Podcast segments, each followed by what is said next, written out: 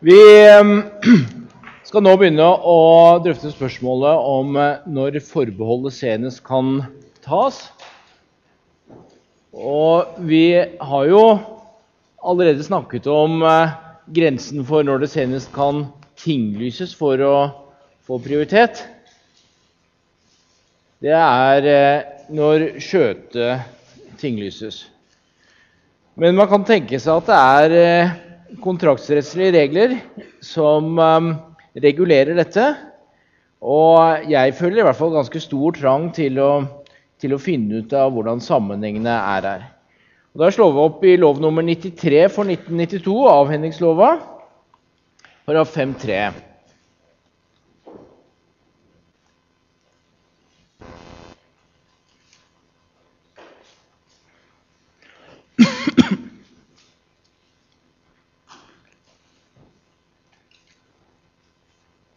Der står det at um, selgeren kan ikke heve etter at skøyte er tynglyst eller gitt kjøperen, eller kjøperen har overtatt bruken av eiendommen, med mindre det gjelder brudd på avtale om naturalyting, husvære eller liknande, liknande personlig, personlig rett som kjøperen måtte vite hadde særlig vekt for selgeren.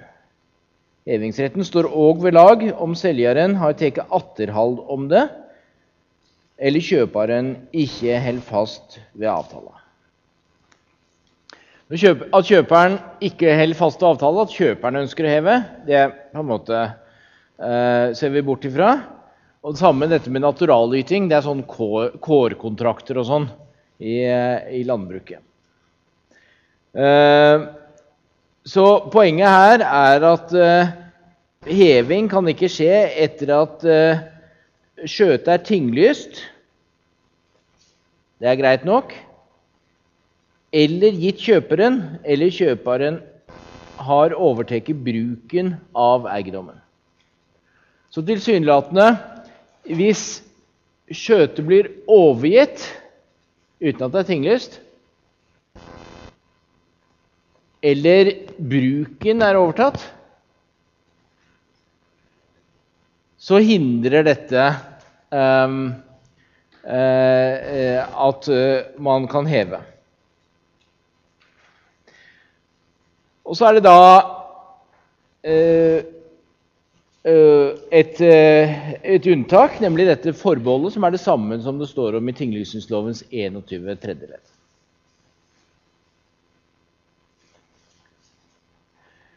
Det må vel være naturlig å lese denne som om eh, at eh, forbeholdet ikke kan tas etter at hevingsretten er falt bort. Det er jo ikke det som står, men, men, men det syns jeg må være nokså opplagt lesning. For eh, man kan ikke gjenopprette en tidligere tilstand ved et forbehold. Det liksom følger av terminologien. Det står en bestemmelse i 6.3 om eh, eh, som henviser til dekningslovens kapittel 7. Den gjelder etter sin ordlyd eh, forventa avtalebrudd. Det er det ikke snakk om her. Og eh, jeg syns ikke den løser problemet. Jeg kan ikke skjønne annet at dette er det samme de snakker om. Når kan forbeholdet seinest tas? Og så vidt jeg skjønner, så må man her tolke inn eller lese reglene i sammenheng sånn at eh, Tinglysningslovens 23 den sier når forbeholdet senest må være tinglyst. Etter eh, pakkseddeldommen og panteloven så må vi eh, tolke inn sånn at forbehold betyr at det må være en avtale mellom partene.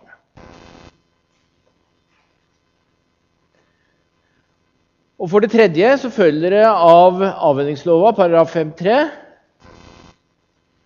at uh, retten til å inngå sånn avtale den kan falle bort før fristen for tinglysning med bibeholda prioritet. Før fristen i tinglysningslovens 21 tredje ledd. Det er pussig at man ikke har klart å få koordinert disse bestemmelsene tydeligere. Dette er jo en lov som eh, er laget sånn at sier de da, så den skal kunne leses av hvem som helst.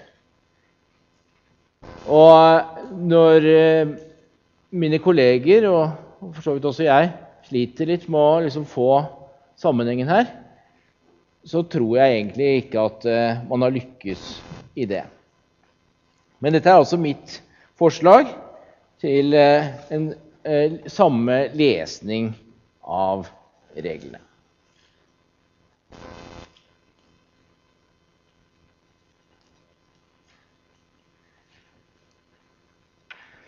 Da er vi ferdig med fast eiendom. Vi går over på den andre hovedbolken når det gjelder eh, eh, panterettigheter. Det er salgspant. Og salgspant det er terminologien vi bruker om løsøre. Men som jeg nevnte, sånn forbehold avhend ved avhendelse som vi nettopp snakket om, det ligner på salgspant i, eh, i, salgspant i eh, fast eiendom. Salgspant det vil altså si at eh, selgeren får pant i det han selger til deg, eh, til dekning av kjøpsum. Jeg pleier alltid å tenke på leksikon. Det er jo snart slutt på at man selger det, da, men dere har jo sett disse som står utenfor Nationaltheatret stasjon. ikke sant? Og hvis dere leser kontrakten der nøye, dere kan jo bare late som dere skal kjøpe for å få den kontrakten. ikke sant? Så, så ser dere at der har man tatt eiendomsforbehold. Så hvis man ikke betaler bøkene, så kan de ta dem tilbake. Du får en særrettighet i deres konkursbo og ved annen insolvensbehandling, som er mer praktisk.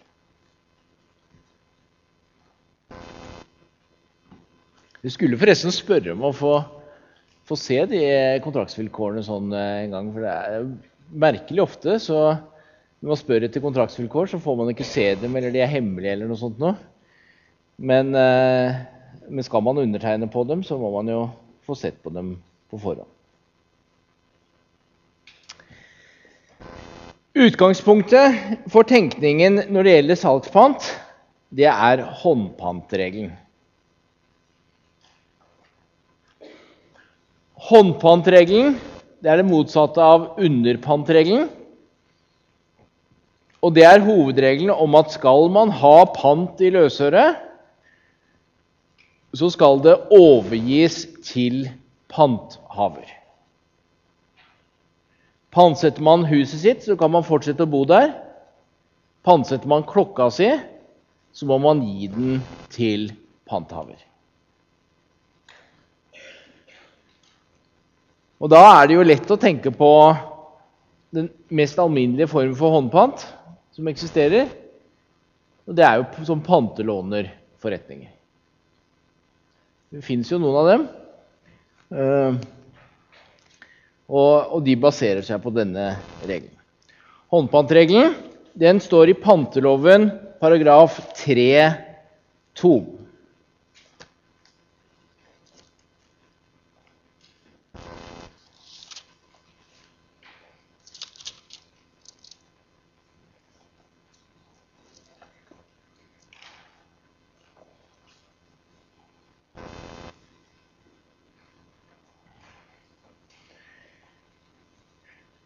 Først så står 3.1 at eh, man kan bare pantsette når man har hjemmel i loven. Det har vi allerede så vidt sett på. Vi skal se mer på det.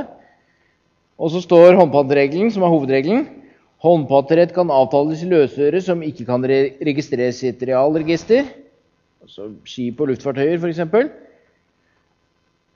Unntaket for registrert løsøre er dog ikke til hinder for håndpåansettelse av tilbehør til slikt løsøre. Og hovedregelen om rettsvern håndpantrent for rettsvern ved at pantet overleveres panthaveren.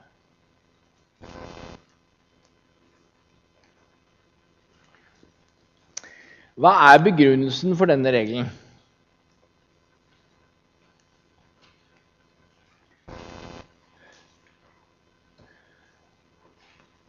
Her er det to begrunnelser.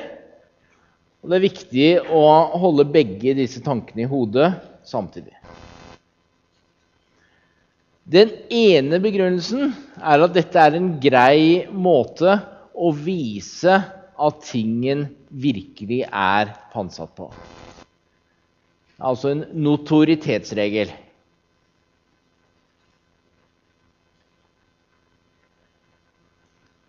Når jeg går konkurs, og bobestyreren kommer og skal beslaglegge ting, så kan ikke jeg si at nei, disse flotte kandelabrene i sølv de er pantsatt til broren min i forgårs. For bobestyreren kan da bare rett og slett si ja, men de er jo her. Selv om de måtte være pantsatt, så har de ikke rettsvern fordi de ikke er overlevert til broren din. Så dette er en ganske god notoritetsregel. Men det er jo klart at har broren min lånt kandelabrene fordi han skulle ha konfirmasjon, så kan jeg jo finne på det etterpå at eh, ja, det var ikke det sånn at han lånte den, han hadde faktisk panterett for 500 000 i den. Eh, og det, så helt patent er jo ikke dette som notoritetsregel. Det var den ene begrunnelsen. Den andre begrunnelsen det er at ved å kreve overlevering så hindrer man, hindrer man folk i å pantsette rubbel og bit de har. Hvis man har håndpantsatt senga si, så sover man dårlig. For da er jo ikke senga der. Da må jeg gå i banken og sove, ikke sant? Eller noe sånt noe. Så det, det er praktisk sett de tingene jeg vil ha, de tingene jeg trenger, de kan jeg ikke pantsette etter denne regelen. Så dette er en regel som hindrer alminnelige folk å pantsette det aller meste av det de har. Fordi de vil ha dem og bruke dem.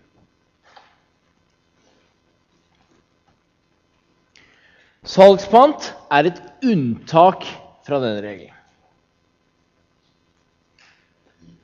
Salgspant er underpant til løsøre.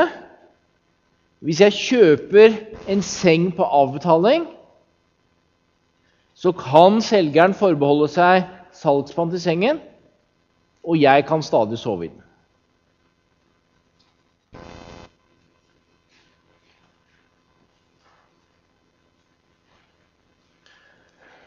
Hvorfor lager man dette unntaket? Som så mange ting så har jo rettsreglene her bare blitt til i praksis, og så har man funnet på en god begrunnelse etterpå. Hvordan ble disse reglene til? Jo, dette var, har jeg hørt, historien om Singer symaskiner. Du har sikkert sett dem hos eh, besteforeldre og sånn. Disse sorte, gjerne med en sveiv eller med en sånn pedal. ikke sant? På begynnelsen av forrige århundre så fant de ut en måte å markedsføre disse på. Man kunne jo bare gå rundt på gårdene eller hvor det var, og så si at kjøp en sånn symaskin, og den vil være tjent inn ganske fort. Og du behøver ikke å betale den. Hvis du bare begynner å sy for naboene, så uh, får du jo penger, og da kan du bruke de til å betale. Og så fikk de solgt masse symaskiner, og folk sydde som gale. Og uh, uh, da Eh, hadde man ikke oppfunnet ordet salgspatent, så man sa at man hadde eiendomsforbehold. Da skrev man i kjøpeavtalen at symaskinen forblir selgers eiendom inntil at den er betalt. Og hvis man da ikke betalte, så kom eieren av symaskinen, altså selgeren, og hentet symaskinen igjen.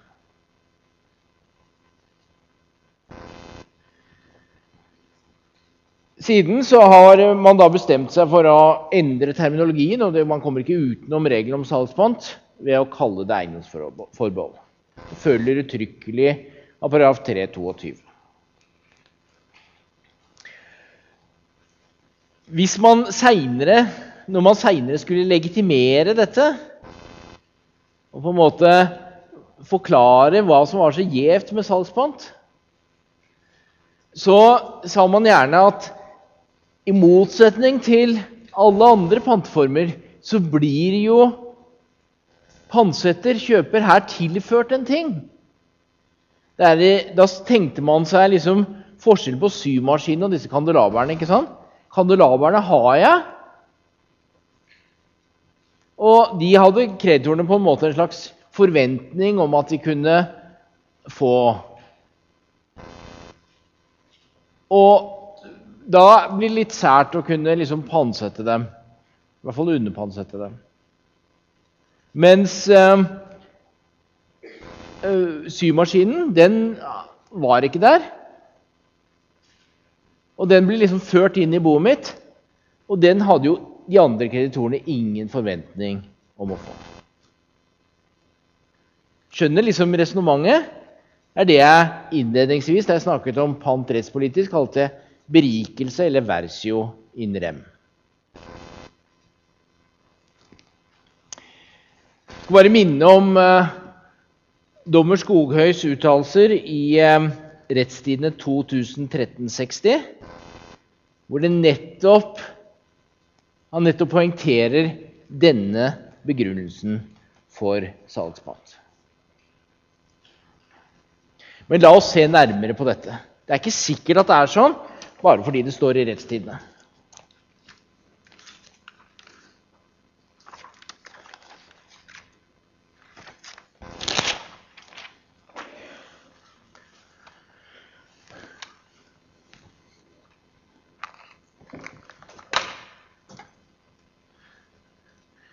Her, denne sirkelen, er debitors formuesvære. Det er alle tinga mine. Og da vet vi at ved en konkurs så skal jeg eh, får jeg ingenting, eller nesten ingenting. Og dette blir delt likt mellom mine kravshavere, kreditorer.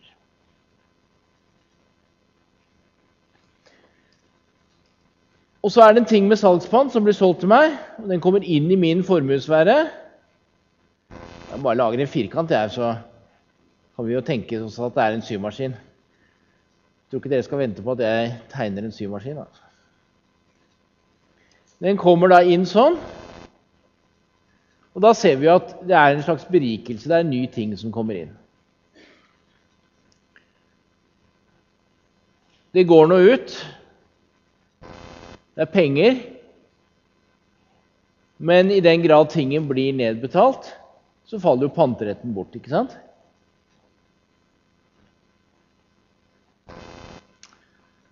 Så skal vi tenke oss en litt annen situasjon.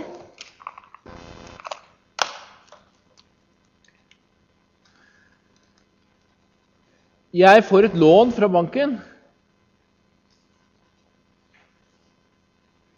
Da skriver jeg et dollartegn. Ikke at jeg tar opp dollarlån, i hvert fall ikke disse dager. Men uh, det er fordi uh, Da tenkte jeg kanskje at det er et greit symbol for penger. Så blir jeg tilført altså penger, 100 millioner eller noe sånt. Noe. Og så betaler jeg det tilbake, helt parallelt med det andre.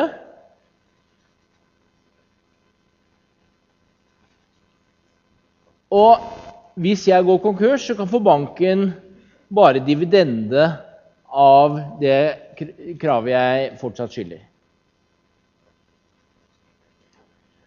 Hvorfor kan man si at den tingen som har kommet inn her, har tilført boet en verdi?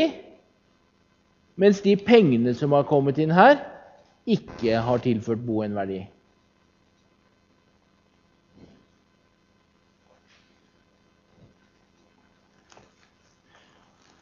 Og det er da det er om å gjøre å på en måte gjøre seg litt dum. Og så spørre det naive spørsmålet ja, hvorfor er dette sånn? Og når man har grubla på det en stund, så kommer man til at ja, men det er jo ikke noen prinsipiell forskjell her. Vi lurer oss selv.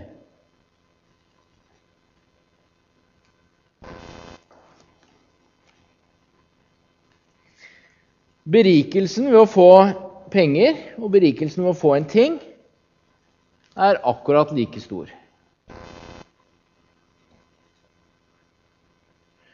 Det jeg tror man har latt seg lure av, er jo det at her, med tingen, så kan man se berikelsen. Her, med penga, så kan man ikke se berikelsen. Fordi pengene bare forsvinner jo utover i hele formuesfæren. Og Jeg skal være den første til å innrømme at det er en ganske klar forskjell på de to situasjonene. Et banklån på den ene siden og et salg av en symaskin til meg på den andre siden. Men det er jo ikke sikkert at selv om det er noen forskjell, at den er rettslig relevant, at den skal brukes til å lage en rettslig sondring. La oss prøve å formulere det rettspolitisk. Det er klart at det er mye bedre for eh, samfunnet om folk får en ting, enn om de får en penger. Nei, det går ikke.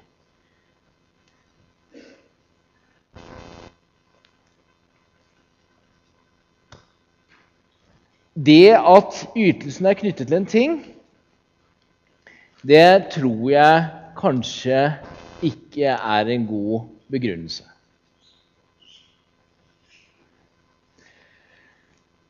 Men så kan vi tenke oss en annen måte å se dette på. Nemlig kanskje det er sånn at man heller ønsker å beskytte de som yter ting, enn de som yter penger. Husker dere jeg snakket om pant som kredittkanalisering? Og her tror jeg vi fort får politikerne på glid hvis dere blir lobbyister noen ganger. Noen gang, og det er jo mange jurister som blir. Dette er angrepsvinkelen. For Da skal dere si ja, men det er jo flott at folk kan kjøpe varer. Det er jo flott at vi hjelper dem på den måten. Og dessuten så hjelper vi varehandelen. Og de har det jo så ille nå før jul. I hvert fall verre enn de hadde tenkt. Men igjen så må vi spørre hvem er det som får fordelen, og hvem er det som ikke får fordelen? Hvor kanaliseres den billige kreditten? Den billige kreditten kanaliseres til de som kjøper en ting. Men mange andre nyttige formål blir ikke tilgodesett. Så de som kjøper en tjeneste, f.eks., de eh, får ikke glede av disse reglene. Hvis man tenker seg f.eks. at noen får malt huset sitt Det må jo være samfunnsøkonomisk bra og alt mulig. Vedlikehold av fast eiendom. En maler får ikke gleden av noe som ligner på salgspant. Så det er ikke sikkert her at disse reglene fører til at kreditten kanaliseres i riktig retning.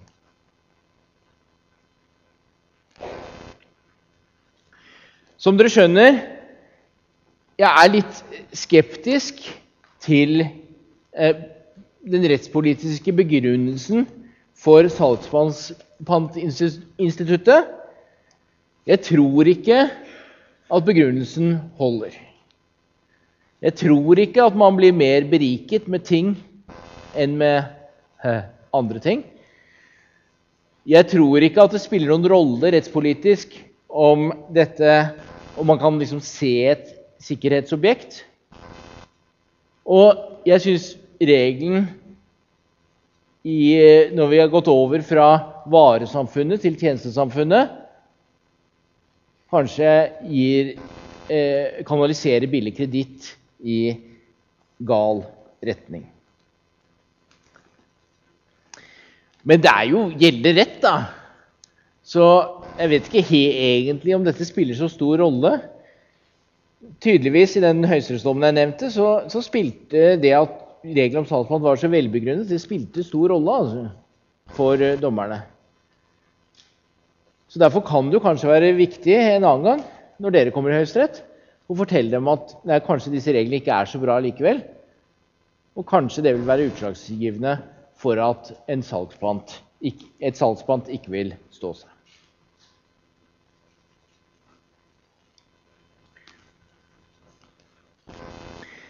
Likevel må vi se på regler som skal sikre begrunnelsen for salgspant.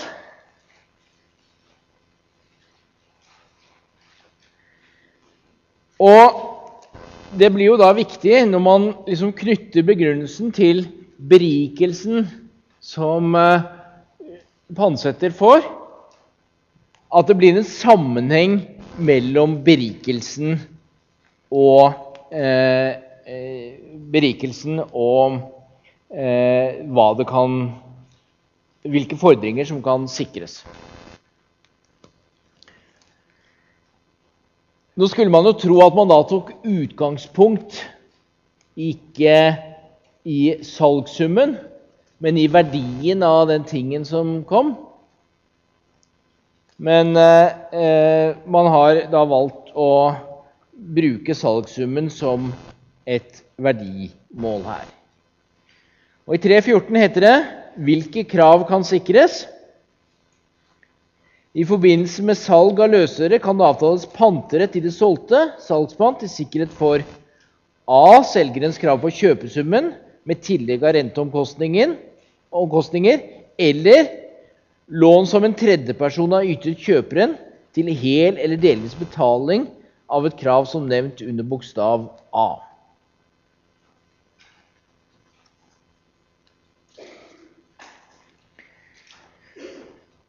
Det spiller altså ingen rolle hvem som yter kreditten. Poenget er at det er kjøpesummen som kan eh, sikres. Det er et uttrykk dere bør kunne her i denne sammenhengen, og det er diskontering. Og det er om ikke annet så for å kunne lese litt eldre dommer. For det man gjerne gjorde før, det var at eh, kjøperen undertegnet et uh, gjeldsbrev eller en veksel, som altså er et veldig spesiell form for uh, gjeldsbrev, for kjøpesummen. Og så fikk han tingen, og så tok selgeren dette gjeldsbrevet eller uh, vekselen og solgte videre til sin bank. Et salg av en slik, for, en slik fordring kalles diskontering. Og Poenget er altså at selgeren slapp å vente på pengene. Han kunne få det med en gang. Banken hans finansierte kjøperens erverv. Vi trakk jo fra litt renter og sånn, da, fordi han fikk pengene før han ellers ville fått. Men, men prinsippet så fikk han kjøpesummen med en gang, selv om selgeren hadde gitt kreditt. Det er fortsatt lov, men nå kan man gjøre det så enkelt at uh, selgerens bank betaler pengene direkte til uh, selgeren. Og man slipper liksom å gå veien om gjeldsbrev og veksler og, og den type ting, og diskontering. Man, eh, det følger av 314b at eh, man kan unngå alle sånne toleddsoperasjoner.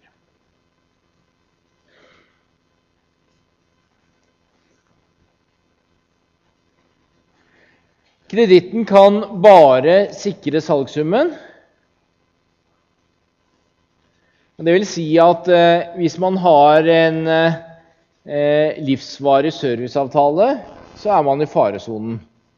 Når man trekker fra penger for den, for tjenesteytelse, er det jo ikke lov å sikre på denne måten. Men en sånn vanlig toårsgaranti det er nok, eh, regner man nok som en del av kjøpesum. Disse brillene her da jeg kjøpte dem i sin tid, så var det noen slags eh, sånn mistegaranti på dem. Så hvis jeg ødela dem eller mista dem eller hva som helst innen ett eller to år, eller hva det var for noe, så skulle jeg få nye briller.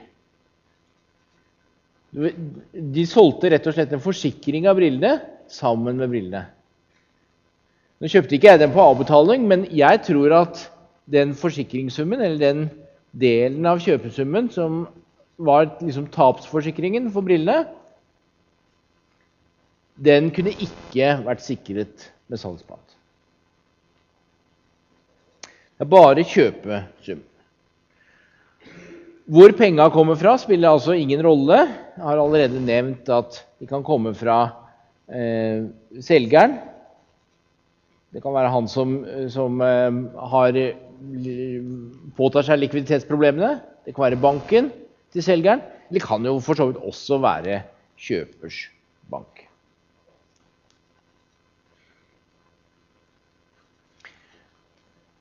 Kan man tenke seg opplåning her?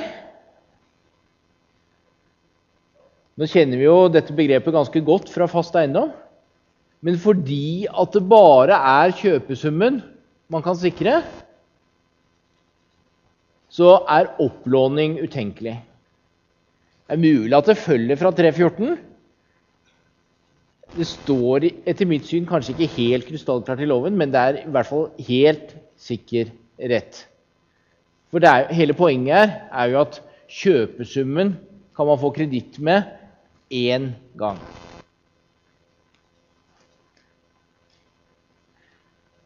Men sett at man kommer i betalingsvanskeligheter, da. Og så, så ber man et lån, om et eh, lån. Og så sier banken ja, men kan du ikke heller bare få avdragsutsettelse. Ja, det må vel uh, være greit.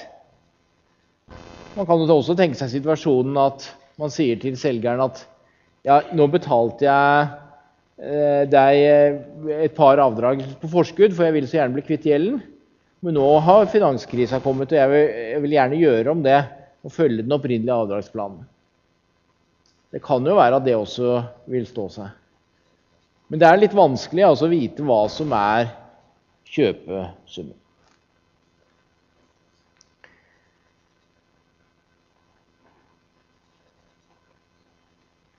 Det er et slags, eh, kjøpesummen er et slags verdimål. Det spiller jo ingen rolle hvordan selgeren, kjøperen egentlig eh, bruker pengene.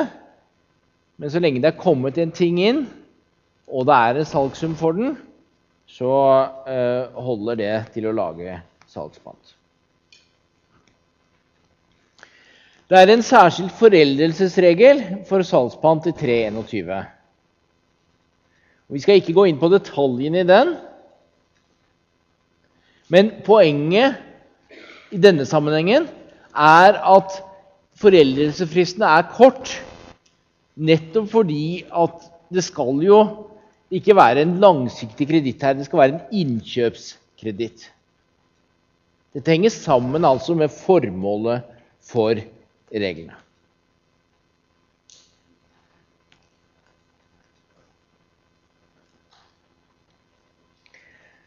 Det var de reglene som er liksom ment for å sikre begrunnelsen her. Prøve å gjøre det sånn at er, det er bare en salgssum som skal sikres.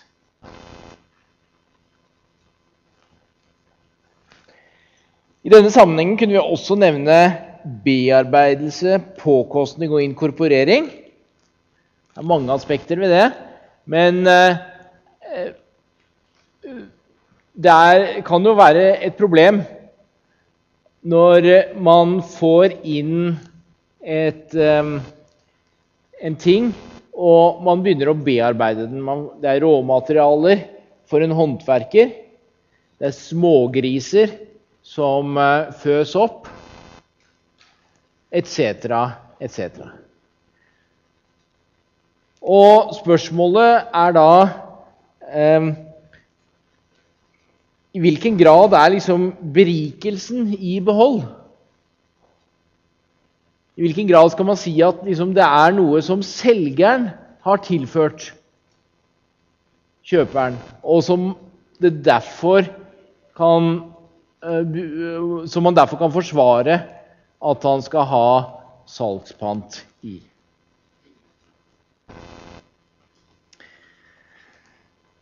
Her må man ta noen uh, valg. Det henger jo sammen med at, at regelen som er litt liksom, dårlig rettspolitisk begrunnet i utgangspunktet, og så, så, blir jo da avgrensningen av den desto vanskeligere. Men la oss nå se på 3.20 om bearbeidelse og påkostning. Salgspant faller bort dersom det ved bearbeidelse eller påkostning har funnet sted en ikke uvesentlig forandring av salgstingens karakter eller verdi etter at den ble overgitt til kjøperen. Og det vil si at eh, For å ta et eksempel fra en gammel dom Hvis man kjøper smågriser og fører dem opp, så i det øyeblikket eh, verdien har blitt vesentlig endret Grisene har blitt mye større, har kommet mye nærmere slaktebenken Ja, i det øyeblikket så faller salgspantet bort. Det blir for tungvint å på en måte si at man får salgspant i den opprinnelige verdien. Og det bryter kanskje også litt med, med, med, hele ideologien her. For det er jo det at man ser tingen som man har pant i, det er jo det som på en måte eh, kanskje er det mest overbevisende argumentet for panteretten i det hele tatt. Noe tilsvarende gjelder ved eh, sammenføyning, inkorporering med en annen ting, 319. Salgspant faller bort dersom salgstingen blir sammenføyet med en fast eiendom eller annen hovedting på en slik måte at utskilling ville medføre uforholdsmessige omkostninger eller urimelig verditap. En åpenbar begrunnelse for regelen er at man skal unngå disse uforholdsmessige omkostningene og urimelige verditapene. Rørleggeren kan ikke komme og hente rørene som man har montert i veggen hos meg. Det ville være helt latterlig om man skulle, skulle gjøre det på den måten. Og da eh, eh, Da har man altså valgt å si at ved slik inkorporering så faller salgspantet bort. Man kunne også tenke seg at begrunnelsen for regelen er at eh, eh, da ser man jo ikke lenger tingen. Da er den jo inkorporert i noe annet. Panteobjektet som sådant har forsvunnet.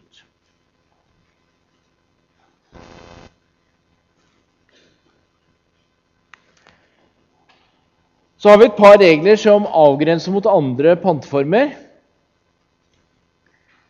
Dette er en overskrift som jeg for så vidt har pønska lenge på. Eh, og for dere vil se at det er kanskje ikke så vanlig å klassifisere reglene på denne måten. Men eh, jeg syns i hvert fall det gir mening. Og la oss nå ta den første regelen, så skjønner dere hva jeg mener. Forholdet til varelagerpant.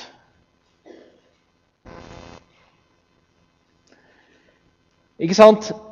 Sett at jeg har pantsatt min varebeholdning. Jeg er um, næringsdrivende.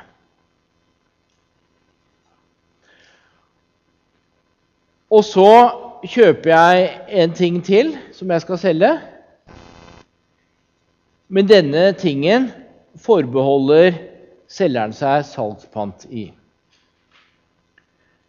Tingen blir tatt inn i mitt varelager. La oss si at det er sykler, så vi liksom ser noe for oss. Ser alle syklene henge bortover.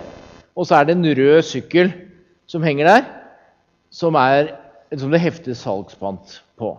Alle de andre syklene har jeg fått på eh, kreditt uten salgspant. Og da blir spørsmålet skal man, skal man tillate det? Eller skal man si det sånn at eh, hvis man vil pantsette varelageret sitt, så må man gjøre det med varelagerpant og ikke noe annet. I 3.15 så har man tatt et valg. Man har sagt annet ledd Salgspant kan heller ikke avtales i ting som kjøperen har rett til å selge videre før den er betalt.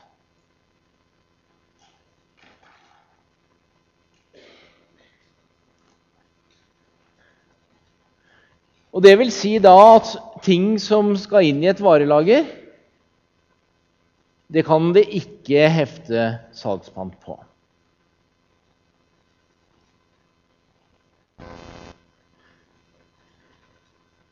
Jeg har valgt å klassifisere denne regelen sånn fordi at dette er effekten i dag av denne regelen. Men det var jo en tid før godtroloven hvor det var en annen begrunnelse for dette. Man syns det å ha eh, eiendomsforbehold eller salgspant i eh, ting som skulle videreselges, det var risikofylt. Fordi at det var jo noen som skulle kjøpe det. Og så går jeg bortover varelageret og så ser jeg den røde sykkelen ikke sant, som det hefter salgspant på. Og så kjøper jeg den uvitende om at det hefter et salgspant. Og før i tiden, før 78, så ville salgspantet da kunne gjøres gjeldende overfor meg, selv om jeg hadde kjøpt den i god tro. Så denne diskusjonen om man kunne ha salgspant i ting som skulle videreselges, den stammer fra før kjøperen av tingen ble beskyttet av godtroloven.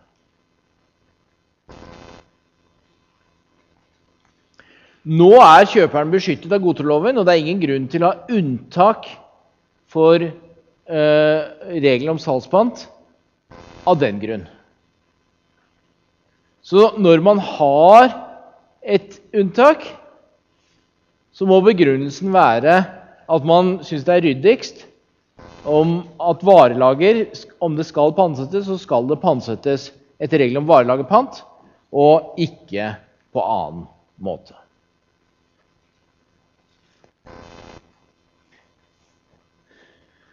Fordelen for oss er at dette er en regel av en karakter som ikke er rettspolitisk så innmari vanskelig. Man har bare bestemt at sånn skal det være. Vi behøver jo ikke å gjøre noe stort nummer ut av det.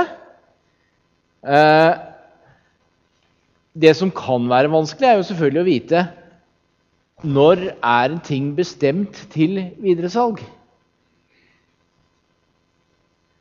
Og det kan være vanskelig for den som forbeholder seg salgspant,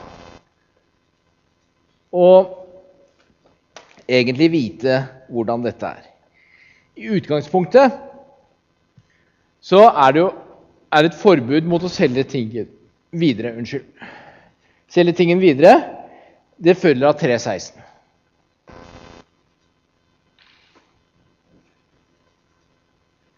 Men så kan man tenke seg forskjellige varianter av um, klausuler. Og i morgen så skal vi starte med å se på én sånn variant. Det er G-maktdommen i rettstidene 1992-438. 1992-438.